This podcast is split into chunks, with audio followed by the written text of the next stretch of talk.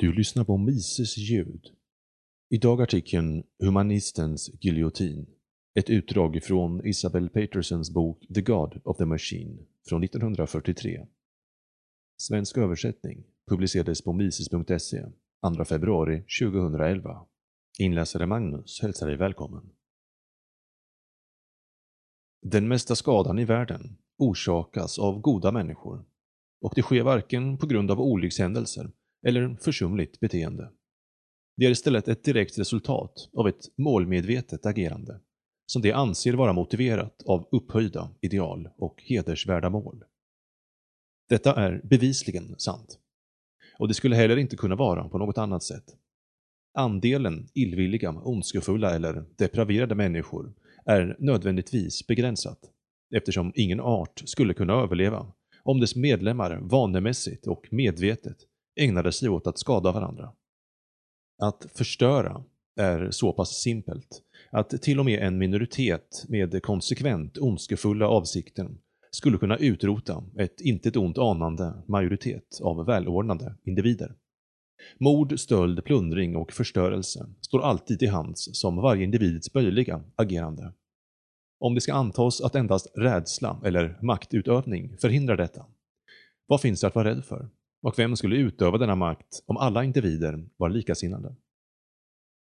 Om all medveten skada som gjorts av kriminella skulle summeras, skulle antalet mord, den totala omfattningen av skada och förlust, vara negligerbar jämfört med summan av all död och förödelse som mänskligheten har åsamkat sig själv. Det är därför uppenbart att under perioder där miljontals blir dödade, när tortyr praktiseras, svält påtvingas och förtryck blir policy, som nu är fallet i större delen av världen och som det oftast har varit historiskt, måste det ske på befallning av en mängd goda människor och till och med utföras direkt av dem, med anledning av vad de anser ett hedervärt uppsåt. När de inte själva utför handlingen finns de ofta dokumenterade såsom godkännande, rättfärdigande eller annorstädes urskuldande med sin tystnad och ovilja till diskussion. Uppenbarligen skulle detta inte kunna ske utan orsak eller anledning. Det bör dessutom förtydligas att när vi ovan använder benämningen goda människor menar vi just goda människor. Personer som inte medvetet skulle skada andra människor eller bidra till att så sker varje dag för sakens skull eller för personlig vinning. Goda människor önskar sina medmänniskor väl och försöker att agera därefter. Vidare bör förtydligas att vi inte insinuerar någon begreppsförvirring där gott och ont blandas ihop eller där godhet producerar ondska, där gott och ont är samma sak eller goda och onda människor oskyldbara. Det insinueras vidare inte att goda människors dygder inte egentligen är dygder. Det måste därför finnas ett mycket gravt fel i de medel som används för att nå dessa mål. Det måste till och med finnas ett fel i de grundläggande axiomen för att tillåta att dessa medel fortsätter att användas. Något är fasansfullt fel i någon del av processen. Men vad? Med säkerhet skulle de massakrer som genomförs av barbarer, som nu och då invaderar bosatta områden, eller de slumpmässiga grymheter som uppvisas av uttalade tyranner, inte ens uppgå till en tiondel av de hemskheter som genomförs av styrande med välvilliga intentioner. Så som historien lyder blev egyptierna förslavade av faraon genom ett välmenande program för självreglerande sädesmagasin.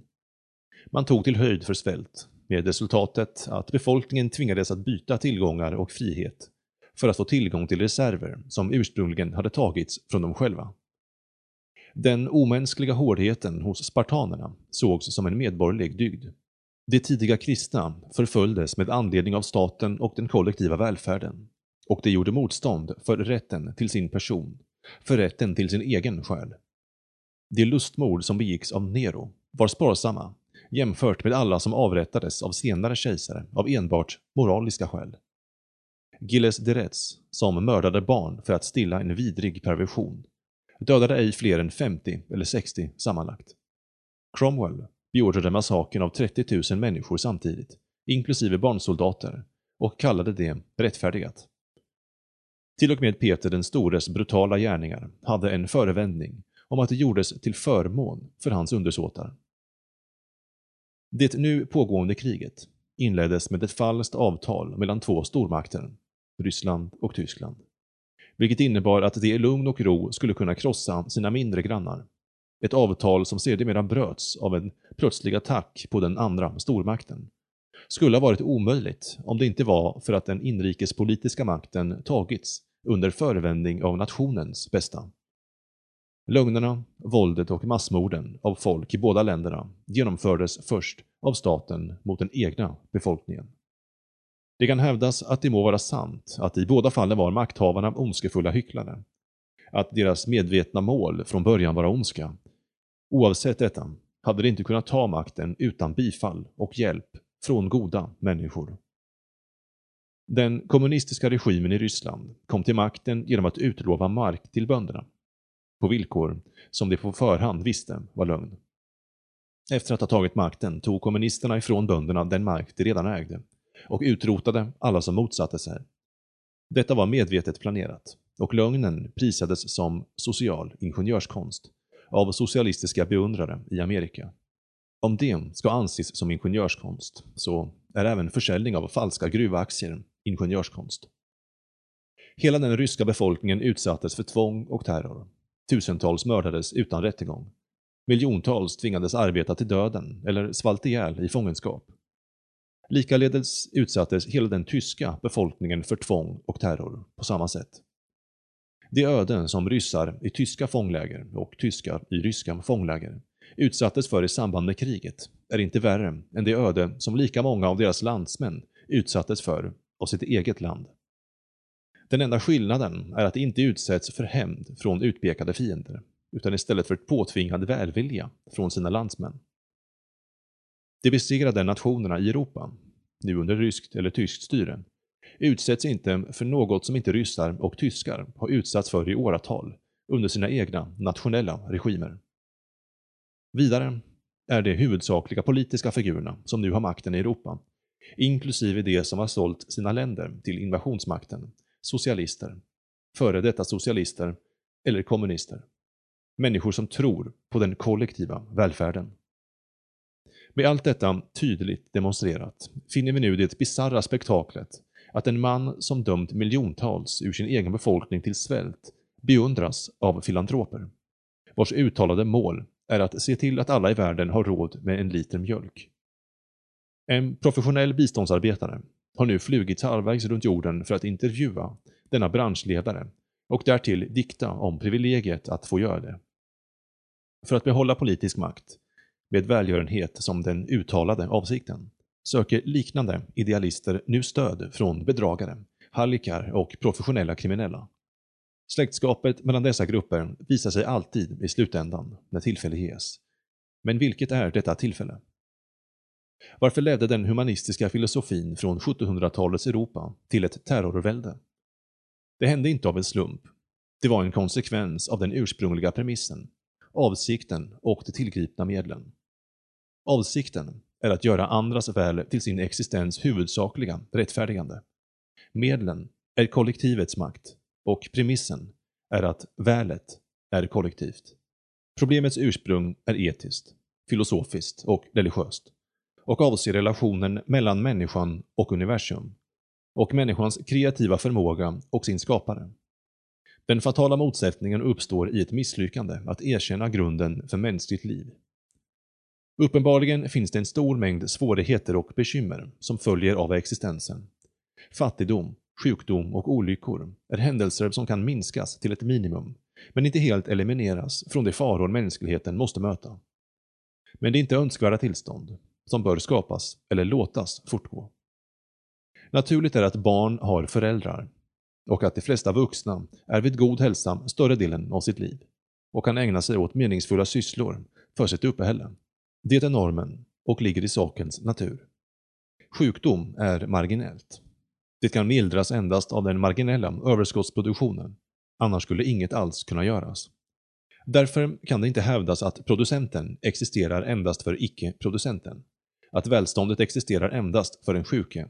Att den kompetente existerar endast för den inkompetente. Eller att någon person endast för någon annan.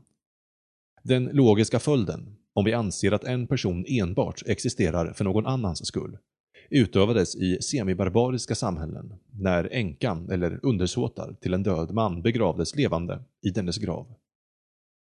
Vilken sorts värld tror humanisten kommer att bli resultatet om han tillåts löpa linan ut? Det kan endast resultera i en värld fylld av matköer och sjukhus. De stora religionerna, som också är stora intellektuella system, har alltid erkänt de naturligt givna förutsättningarna. De erkänner välgörenhet och välvilja som en moralisk förpliktelse, som ska möjliggöras av producentens överskott. Detta innebär att det gör det sekundärt till produktion, på grund av det ofrånkomliga faktum att om inget produceras kan inget ges bort. Konsekvensen blir att extremt strikta regler, som dock endast ska följas frivilligt, påförs det som vill ägna sitt liv åt enbart välgörenhet. Detta ses alltid som ett specifikt kall eftersom det aldrig kan vara ett generellt sätt att leva. Eftersom välgörenhetsarbetaren måste erhålla pengar eller tillgångar från producenter är han inte i position att bestämma. Han måste be. När han åsidosätter för sin egen överlevnad får han aldrig ta ut mer än det minimum som behövs för att existera. Som bevis på sitt kall måste han till och med överge lyckan av ett familjeliv. Om han ska bli formellt accepterad av religionen. Aldrig någonsin får han leva bekvämt på grund av andras misär. De religiösa sammanslutningarna drev sjukhus, tog hand om föräldralösa och distribuerade mat. En del av dessa allmosor gavs ovillkorligt, för det ej skulle finnas något tvång förklätt som välgörenhet. Det är inte anständigt att be en man blottlägga sin själ i utbyte mot bröd. Detta är den verkliga skillnaden mellan välgörenhet utförd i Guds namn och den baserad på humanitära eller filantropiska grunder. Om de sjuka blev botade, de hungriga fick mat och barn togs till hand om tills de växte upp, så var det sannolikt gott. Och det goda kan inte beräknas i bara fysiska mått. Men dessa åtgärder var endast avsedda att hjälpa mottagarna under en period av nöd och om möjligt återställa livet till vardagen. Om de nödställda delvis kunde hjälpa sig själva, desto bättre. Om detta ej var möjligt så erkändes detta faktum. Men de flesta av de religiösa ordnarna gjorde samtidigt en insats för att vara produktiva, så att de skulle kunna ge bort från sina överskott samtidigt som de distribuerade donationer. När de utfört produktivt arbete, såsom byggnation, undervisning för en rimlig avgift, jordbruksdrift eller tillfällig näringsverksamhet och utövande av konst, var resultaten bestående inte bara i vad som producerats, utan även i utvidgningen av kunskap och avancerade metoder, så att den generella nivån av välfärd på lång sikt ökade. Och det bör noteras att dessa bestående resultat härrör från självförbättring. Vad kan en människa egentligen göra för en annan? Han kan ge av sina egna medel och sin egen tid det han kan undvara. Men han kan inte skänka det som ej är givet av naturen. Inte heller ge bort sitt eget uppehälle utan att bli behövande själv. Om han ger bort det han tjänat in, måste han ändå ha tjänat in det först. Naturligtvis har han rätt till familjeliv, om han kan försörja hustru och barn. Han måste därför behålla tillräckligt för sig och sin familj för att fortsätta producera. Ingen enskild person kan, även om hans inkomst är 10 miljoner dollar på ett år, ta hand om alla världens behov. Men tänk om någon inte har några egna tillgångar och ändå inbillar sig att han kan hjälpa andra som sitt främsta syfte och livsuppgift. Vilket är den centrala doktrinen inom den humanitära tron? Hur ska han då gå tillväga? Listor upprättas över de mest behövande, certifierade av sekulära välgörenhetsstiftelser som betalar sina egna tjänstemän väl. De behövande har undersökts, men inte hjälpts. Och utav mottagna donationer betalar tjänstemännen alltid sig själva först. Detta är pinsamt, även för de mest tjockhudade professionella filantroperna. Hur ska erkännande av detta kunna kringgås? Om filantropen kunde kommendera medel från producenten skulle han, istället för att be om en del, kunna ta äran för produktionen då han är i en position att kunna ge order till producenten. Han kan därefter skylla på producenten för att denne inte följer order när han inte producerar mer. Om det primära målet för filantropen, hans syfte med livet, är att hjälpa andra, så kräver hans välmående att andra ska vara i nöd. Hans lycka är den motsatta sådan av deras elände. Om han vill hjälpa mänskligheten så måste hela mänskligheten försättas i nöd. Humanisten vill vara en drivande kraft i andras liv. Han kan inte erkänna vare sig det gudomliga eller den naturliga ordningen, där människor har makten att hjälpa sig själva. Humanisten sätter sig i Guds ställe. Men han konfronteras med två obekväma faktum. För det första, att de kompetenta inte behöver hans hjälp. Och för det andra, att de flesta människor, om de ej fallit i fördärvet, inte vill bli gottgjorda av humanisten. När det sägs att alla ska leva i första hand för andra, vilken är då den specifika väg som söks? Ska varje person göra exakt vad alla andra vill att han ska göra, utan begränsningar eller förbehåll, och enbart vad andra vill att han ska göra? Tänk om olika personer har motstridiga krav. Systemet är praktiskt ogenomförbart. Kanske ska han då göra enbart det som verkligen är bra för andra. Men kommer dessa andra veta vad som är bra för dem? Nej, det är uteslutet på grund av samma problematik. Ska då A göra vad han tycker är bra för B och B göra vad han tycker är bra för A? Eller ska A endast godta vad han tycker är bra för B och vice versa? Det vore absurt. Naturligtvis är det humanisten faktiskt föreslår att han ska göra det han tycker är bra för alla. Det är vid denna tidpunkt som humanisten introducerar giljotinen. Vilken typ av värld ger humanisten fritt spelrum? Återigen, det kan enbart vara en värld fylld av matköer och sjukhus, där ingen behållit sin naturliga förmåga att hjälpa sig själv och stå emot saker som försöker göras mot hans vilja. Och det är precis den värld som humanisten arrangerar när han får som han vill. När en humanist önskar att alla har en liten mjölk är det uppenbart att han ej har någon mjölk och ej kan producera den själv. Varför skulle han annars bara önska? Vidare, om han hade tillräckligt med mjölk för att ge alla en liter, så länge som hans tilltänkta mottagare kan producera sin egen mjölk, skulle de säga tack, men nej tack. Hur ska humanisten då se till att han ska ha all denna mjölk att distribuera och att alla andra ska sakna den? Det finns bara ett sätt, och det är genom att använda den politiska makten i sin fulla utsträckning. Därför känner humanisten den största tacksamhet när han besöker eller hör talas om ett land där alla begränsas av ransoneringskort. När uppehälle måste delas ut, så har det önskvärda uppnåtts. En allmän nöd och en överstående makt att befria denna nöd. Den teoretiska humanisten är en terrorist i praktiken.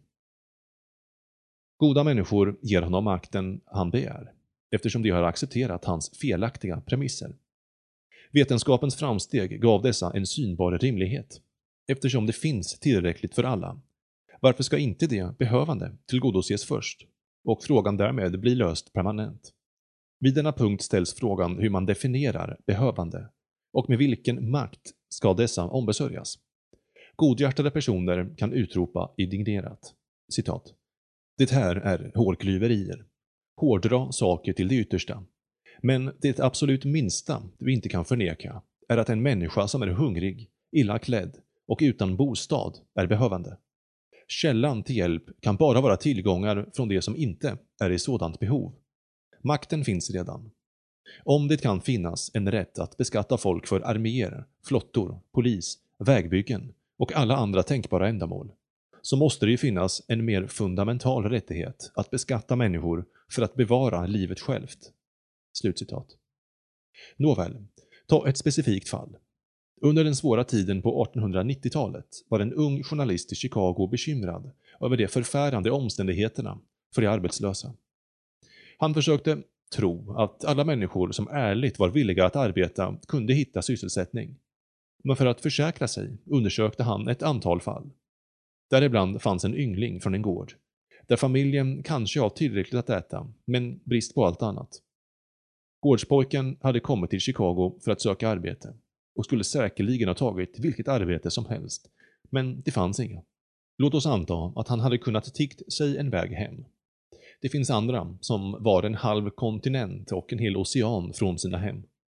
De kunde inte ta sig tillbaka, oavsett alla tänkbara ansträngningar, och det är inget att argumentera om. De kunde inte.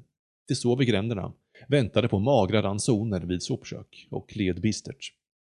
Utöver detta, bland dessa arbetslösa fanns några personer det är omöjligt att säga hur många, som var ovanligt företagsamma, begåvade och kompetenta. Och det var just detta som försatte dem i deras svåra situation. De hade lämnat en beroendesits vid en ovanligt dålig tidpunkt. De hade tagit en stor risk. Extremer möttes bland arbetslösa. De mest våghalsigt företagsamma, de med ren otur och de rent slösaktiga och inkompetenta. En smed som arbetade i närheten av Brooklyn Bridge och gav en fattig vandrare 10 cent att betala broavgiften med kunde knappast veta att han gjorde det möjligt för en framtida engelsk prisvinnande poet att gå vidare till odödlighet. Men vandraren var John Masefield. Så det är inte nödvändigtvis så att de behövande är oförtjänta. Det finns också personer i landet, områden plågade av torka eller insekter, som var i allvarlig nöd och bokstavligen skulle ha svultit om inte understöd inte hade sänts dem. De fick dessutom inte mycket, och det sändes på ett slumpmässigt och oregelbundet sätt. Men alla kämpade sig igenom det hela och det slutade med en fantastisk återhämtning för hela landet. För övrigt skulle det ha varit mycket mer allvarligt lidande än enbart simpel fattigdom på existensminimum. Om det inte vore för medmänskligt givande som inte räknades som välgörenhet. Folk ger alltid om de har. Det är en mänsklig impuls som humanisten utnyttjar för sitt eget syfte. Vad är då fel med att institutionalisera en naturlig impuls i en politisk organisation? Nåväl, igen. Gjorde gårdspojken något fel när han lämnade gården? När han hade tillräckligt att äta? Och begav sig till Chicago för möjligheten att få ett jobb? Om svaret är ja, måste det finnas en rättfärdig makt som borde förhindra honom att lämna gården utan tillstånd. Den feodala makten gjorde det. De kunde inte förhindra att människor svalt, men de tvingade dem att svälta där de föddes. Men om svaret är nej, gjorde bondpojken inget fel och han hade all rätt att ta denna risk. Så exakt vad ska göras för att garantera att han inte har otur när han kommer till sin destination? Måste ett jobb ges till en person vart han än väljer att gå? Det vore absurt. Det låter sig inte göras. Är han berättigad till hjälp i alla fall, när han väl kommer dit och så länge han väljer att stanna, eller åtminstone till en returbiljett hem? Det vore lika absurt. Efterfrågan skulle bli obegränsad Inget mått av produktion skulle kunna tillgodose det. Och hur blir det med människor som utarmats av torka? Kunde det inte ges politisk hjälp? Men det måste finnas förutsättningar. Ska de få det precis så länge det är i behov, medan det stannar där det är? Man kan inte finansiera en oändlig mängd resor. Det är precis vad som har gjorts under de senaste åren och det har hållit biståndstagare samlade tillsammans i eländiga miljöer i sju år där de har slösat sin tid, sitt arbete och sitt utsäde i öknen. Sanningen är att om någon given metod funnes för att ta hand om de marginella behoven och den nöd som är oundviklig vid mänskligt liv genom att inrätta en permanent skatt på produktion, skulle den antas med glädje av de som nu motsätter sig det, om det vore genomförbart. De motsätter sig detta eftersom det per definition är praktiskt ogenomförbart. Detta är människor som redan har utarbetat alla tänkbara dellösningar i form av privata försäkringar. Och de vet exakt vad problemet är, eftersom de stöter på det varje gång de försöker säkra sin anhörigas framtid. Det oöverstigliga hindret är att du aldrig kan ta ut framtida produktion i förskott. Om det vore ett faktum att producenter i allmänhet, industriella direktörer och andra hade hjärtan gjorda av is, och inte brydde sig det minsta om mänskligt lidande, skulle det ändå vara praktiskt för dem om frågan om befrielse från alla typer av nöd, oavsett om det vore arbetslöshet, sjukdom eller hög ålder, skulle kunna lösas en gång för alla, så att de ej behövde höra något mer om det. De blir konstant attackerade på denna punkt och deras problem mångdubblas när industrin hamnar i en depression. Politikerna kan få röster från nöd, Humanister säkrar lukrativa tjänstemannajobb åt sig själva genom att distribuera nödbidrag. Endast de som producerar, både kapitalister och arbetare, måste acceptera att bli föraktade och stå för notan. Svårigheten visas bäst med hjälp av ett konkret fall. Anta att en man äger ett lönsamt företag, i gott skick med lång tradition, av god förvaltning och vill ordna så att hans familj ska få sitt uppehälle garanterat från det på obestämd tid. Han skulle kunna ge ut preferensobligationer som ger ett visst belopp i avkastning. Säg att det skulle vara 5000 dollar per år för ett företag som visar 100 000 dollar i vinst per år. Även om det är det bästa han kan förmå, kvarstår det faktum att om företaget inte visar 5000 dollar i vinst, kommer hans familj ändå inte få några pengar. Det skulle kunna försätta företaget i konkurs och ta de tillgångar som blir över. Men dessa tillgångar kan vara värdelösa. Du kan aldrig ta ut framtida produktion i förskott. Utöver det så kanske hans familj väljer att överlåta obligationerna till någon välvillig vän för förvaltning. Av detta finns många kända exempel och de skulle sedan riskera att inte få ut pengarna ändå. Detta är vad som händer när organiserad välgörenhet får donationer. Det låter många goda vänner få mycket trevliga jobb. Men anta att affärsmannen, på grund av sin generösa tillgivenhet, skulle kunna ordna det så att hans fru och familj kunde ha ett öppet bankkonto från företagets tillgångar och att de kunde göra uttag ifrån det precis som de ville. Han skulle kanske i sin oskuld tro att de inte skulle kunna ta ut mer än en liten procent för sina mest berättigade behov. Men dagen kan ändå komma när banktjänstemannen måste informera den lyckliga frun att det inte finns mer pengar för henne att lösa ut. Och med ett dylikt arrangemang är det säkerställt att denna dag skulle komma ganska snart. I vilket fall så skulle företaget, när familjen som mest behövde pengar, generera som minst. Argumentet blir fullständigt vansinnigt. Om vi tänker oss att affärsmannen ger en tredje part en oinskränkbar rätt att ta ut så mycket han önskar från företagets tillgångar. Med endast en överenskommelse som aldrig kan garanteras, att han därmed ska försörja ägarens familj. Och det är detta som förslagen om att ta hand om det behövande med politiska medel egentligen handlar om. Det ger makt till politiker att beskatta utan gräns. Och det finns absolut inget sätt att garantera att pengarna går till det som var tänkta till. Oavsett skulle ett företag inte kunna överleva sådana obegränsade uttag. Varför åberopar vänligen sinnade människor politisk makt? De kan inte förneka att medlen för att bistå måste komma från produktionen. Men de hävdar att det finns tillräckligt mycket och därtill att avvara. De måste därmed antaga att producenter inte är villiga att ge det som är rätt.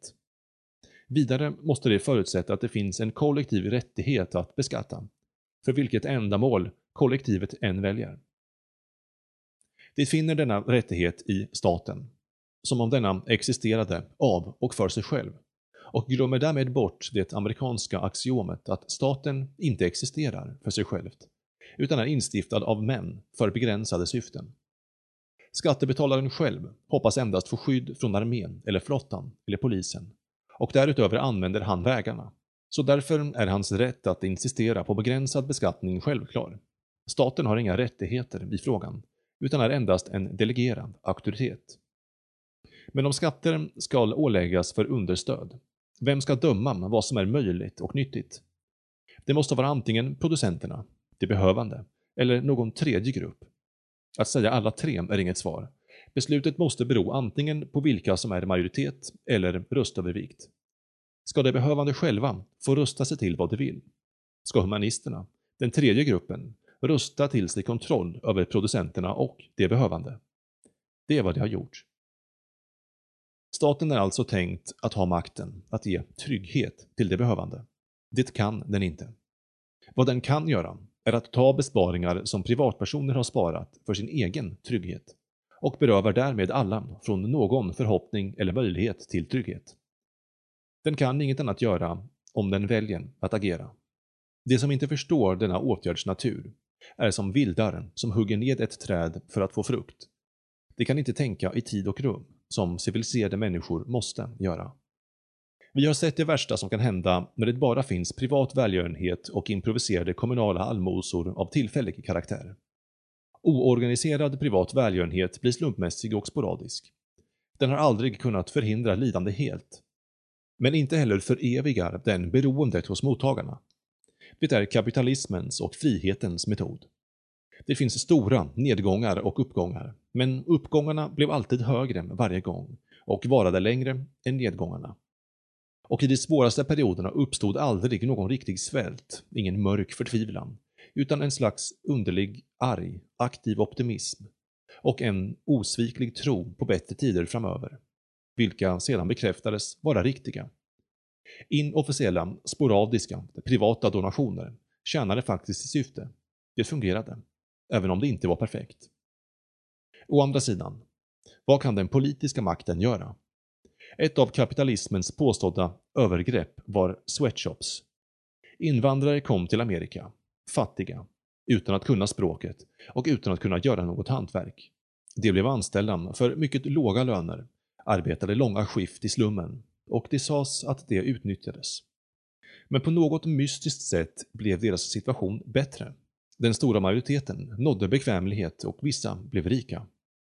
Kunde den politiska makten gett lukrativa jobb till alla som ville komma? Naturligtvis kunde och kan den inte det. Trots detta åberopande goda människor den politiska makten för att lindra svårigheter för dessa nykomlingar. Och vad gjordes? Det första kravet var att varje invandrare borde ha med sig en viss summa pengar. Det innebär att de mest behövande utomlands förlorade sitt enda hopp. Senare, när den politiska makten i Europa hade gjort livet till ett dystert helvete, men ett stort antal personer fortfarande kunde ha skrapat ihop erforderligt belopp för att få tillträde till Amerika, bestämde den politiska makten helt enkelt en kvot för hur många som släpptes in.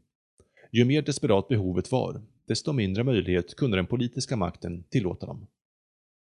Skulle inte många miljoner i Europa vara glada och tacksamma om de kunde få även den minsta lilla chans som det gamla systemet gav, istället för fångläger, tortyrkällare, vidriga förödmjukelser och våldsam död?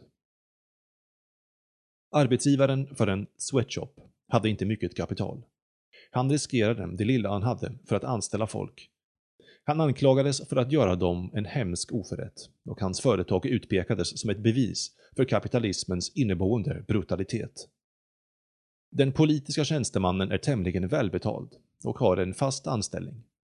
Utan att riskera något själv får han sin lön för att driva iväg desperata människor från gränserna. Såsom drunknande människor som slås tillbaka från sidorna av ett välförsett fartyg. Vad annars kan han göra? Ingenting. Kapitalismen gjorde vad den kunde. Den politiska makten gör vad den kan. Skeppet byggdes och lagrades för övrigt av kapitalismen. Jämför den privata filantropen med den privata kapitalisten och ta fallet med den verkligt behövande människan som inte är arbetsförmögen och anta att filantropen ger honom mat och kläder och tak över huvudet. När han har använt dessa är han precis där han var innan. Förutom att han nu också har vant sig vid att vara beroende. Men anta att någon utan några som helst välvilliga motiv, som helt enkelt vill ha arbete utfört för sin egen skull, anställer den fattige mannen för en lön. Arbetsgivaren har inte gjort en god gärning. Men trots detta har den anställde människans tillstånd faktiskt förändrats. Vad är den avgörande skillnaden mellan de båda åtgärderna? Det är att den ofilantropiska arbetsgivaren har tagit mannen tillbaka in i produktionsledet, in i energins kretslopp. Medan filantropen endast kan avleda energi på ett sådant sätt att det inte blir en återgång till produktion och därmed mindre sannolikt att den välgjorda åter hittar arbete. Detta är den djupa, rationella anledning till att människor krymper av allmosor och hatar själva ordet. Det är också anledningen till att de som utför välgörenhet under ett riktigt kall gör sitt bästa för att hålla den marginell och gärna ger upp möjligheten att göra gott till förmån för en chans för mottagaren att arbeta på alla halvt acceptabla villkor. De som inte kan undvika att leva på allmosor känner och uppvisar resultatet rent fysiskt. De är avskurna från livskällorna av självförnyande energi och deras livskraft sjunker. Resultatet, om det hålls på understöd tillräckligt länge, av de beslutsamma filantroperna och politiker i samförstånd, har beskrivits av en biståndsarbetare. Till att börja med ansökte klientelet motvilligt. Efter några månader ändrades det fullständigt. Vi finner att den som endast ville ha nog för att komma på fötter, nu har funnit sig till rätta och lever på understöd, som om det vore självklart. Biståndsarbetaren som sa detta levde själv på understöd, som om det vore självklart. Men han hade sjunkit långt mycket lägre än sin klient, då han inte ens erkände sin egen position. Hur kunde han undvika sanningen? För att han kunde gömma sig bakom den filantropiska gärningen. Vi hjälper till att förhindra svält. Vi ser till att dessa människor har tak över huvudet. Om biståndsarbetaren frågades Odlar ni maten? Bygger ni härberget? Eller ger ni pengar från era egna inkomster för att betala dem? Så skulle han inte se att det spelade någon roll. Han hade lärt sig att det är rätt att leva för andra, för sociala mål och sociala framsteg. Så länge han kan tro att det är vad han gör kommer han inte att fråga sig själv vad han nödvändigtvis gör mot de andra, eller varifrån medlen som behövs för att försörja honom kommer ifrån. Om den fulla gärningen hos ärliga filantroper samlades, från tidernas begynnelse, skulle vi se att alla dessa tillsammans, genom sina strikt filantropiska handlingar, inte givit mänskligheten en tiondel av den fördel som härletts från de högst normala, självintresserade ansträngningarna av Thomas Alva Edison. För att inte tala om de ännu större tänkarna som arbetade ut de vetenskapliga principer som Edison tillämpade. Otaliga spekulativa tänkare, uppfinnare och organisatörer har bidragit till komfort, hälsa och lycka för sina medmänniskor. Därför att det inte var deras mål. När Robert Owen försöker driva en fabrik för att effektivt producera lyckades han i processen dessutom förbättra några föga lovande karaktärer bland sina anställda, som tidigare hade fått understöd och därmed blivit sorgligt förfallna. Owen tjänade pengar åt sig själva. Och medan han så gjorde insåg han samtidigt att om högre löner betalades kunde produktionen ökas eftersom det skapade sin egen marknad. Detta var både sunt och sant. Men därmed blev Owen inspirerad till humanitära ambitioner. Att försöka att välgöra alla. Han samlade ett antal humanister i en experimentell koloni, där alla blev så fixerade vid att välgöra andra att man inte fick något gjort överhuvudtaget och kolonin upplöstes. Owen gick i konkurs och dog lätt galen, så den viktiga principen han skymtade fick vänta ett århundrade till att återupptäckas. Filantropen, politikern och halliken funnes ofrånkomligen i allians, eftersom de har samma motiv. De försöker nå samma mål, att finnas för, genom och av andra.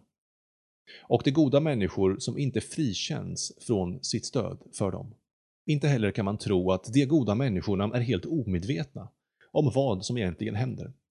Men när goda människor vet, vilket de garanterat gör, att tre miljoner personer, vilket är den lägsta uppskattningen, svalt ihjäl på ett år på grund av de metoder som de godkänner. Hur kan de då fortfarande fraternisera med mördarna och stödja dessa åtgärder? Eftersom de har fått höra att tre miljoner människors långsamma död i slutändan kan leda till fördelar för den stora massan.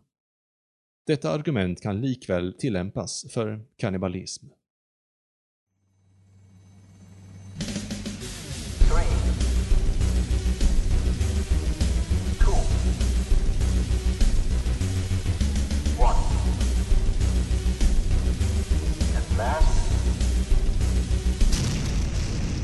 your trusted politician.